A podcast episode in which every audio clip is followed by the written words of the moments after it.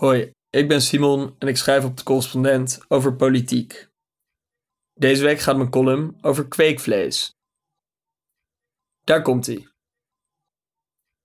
Tien jaar geleden vond op Nederlandse bodem een van de allergrootste wetenschappelijke doorbraken ooit plaats: de hamburger. Alhoewel, dit was niet zomaar een broodje gehakt. Deze hamburger was niet het product van een vermoord dier, maar van jarenlang onderzoek door professor Mark Post van de Universiteit Maastricht. Van stamcellen van kalveren en, niet geheel onbelangrijk, 250.000 euro. Waanzinnig, maar praktisch onbetaalbaar. Drie jaar later kweekte Memphis Meats in Californië de eerste gehaktbal in het laboratorium. De prijs per gram daarvan lag al 80 keer zo laag. Weer drie jaar later, in 2019, lukte het het Israëlische bedrijf Future Meat Technologies om de productie van kweekvlees nog eens 1800 keer zo goedkoop te maken. Nu, in 2023, kunnen we al een pond rundvlees kweken voor minder dan een tientje. Terug naar Maastricht. Daar haalde het Nederlandse bedrijf Mozamiet vorige week de krant. Het gaat honderdduizenden hamburgers per jaar verkopen. Echte hamburgers, maar dan zonder buitensporig dierenleed, stikstof of CO2-uitstoot. Een megastal zonder dieren.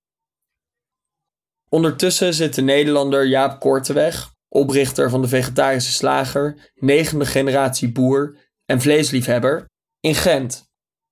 Daar werkt hij aan een kaas die net zo lekker smaakt als de traditionele kaas van zijn grootouders. Alleen hij doet dat zonder melk. Eind vorig jaar produceerde hij zijn eerste kaas in het laboratorium. En op fietsafstand van Gent, net over de Nederlandse grens, staat de allergrootste eiwitfabriek ter wereld. In het Zeeuwse Sas van Gent kweekt het bedrijf INAF proteïne uit schimmels in plaats van dieren. Elk half uur produceert die fabriek een hele koe aan eiwitten.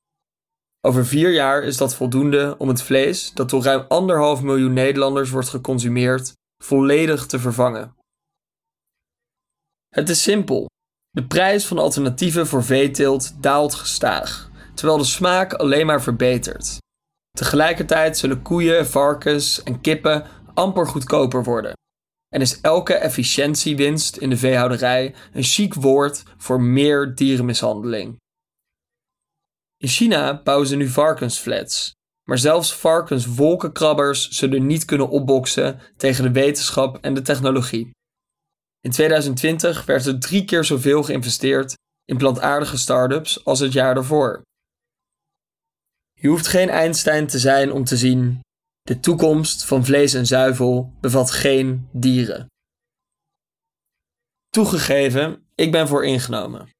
Ik vind de bio-industrie abominabel, krankjorum, ziekelijk. Ik vind het niet normaal dat we in Nederland iedere dag anderhalf miljoen kippen doden. Of dat de mens wereldwijd elk uur 742.000 pasgeboren mannelijke kuikens door de versnipperaar haalt. Omdat mannetjes geen eitjes leggen. Maar in Italië staat de wereld op zijn kop. Daar wil de regering onder premier Giorgia Meloni vlees, vis en zuivel uit het laboratorium verbieden, omdat het ten koste zou gaan van de Italiaanse cultuur en tradities. De misdadigers moeten dan boetes tot wel 60.000 euro betalen. De lobby voor het agrarische grootbedrijf applaudisseerde bij het voorstel van Meloni. De nieuwe industrie moet kapot.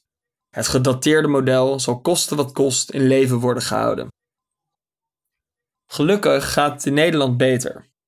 Onze regering gaf vorig jaar 's werelds grootste subsidie aan de ontwikkeling van kweekvlees en zuivel. Maar helaas, dan hebben we het nog steeds over kruimels. Zelfs deze ongeëvenaarde steun voor kweekvlees was slechts 7,5% van de jaarlijkse landbouwsubsidies in Nederland.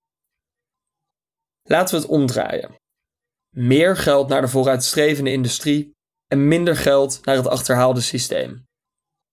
Vermenigvuldig die subsidie met factor 20, 50 of zelfs 100. Wij hebben in Wageningen de beste landbouwuniversiteit ter wereld staan. In Delft, Eindhoven en Enschede staan nog drie technische universiteiten die tot de wereldtop behoren. Wij zijn ook het land dat per burger het allermeeste geld uitgeeft aan plantaardig voedsel. Wij hebben pioniers, zoals Mark Post en Jaap Korteweg. Zelfs als dieren je een worst kunnen wezen, moet je inzien wat voor kans hier ligt. Wij hebben een unieke kans om koploper te worden. De wereldwijde vraag naar vlees zal in 2050 anderhalf keer zo groot zijn. Plantaardig vlees is nu al een miljardenindustrie. En binnen enkele decennia zal het gros van ons vlees afkomstig zijn uit plantaardige bronnen of laboratoria. Mijn droom? Maak van Nederland een kweekvleeskampioen in plaats van een slachthuis. Het kan. Wij maakten nota bene de eerste kweekburger ooit.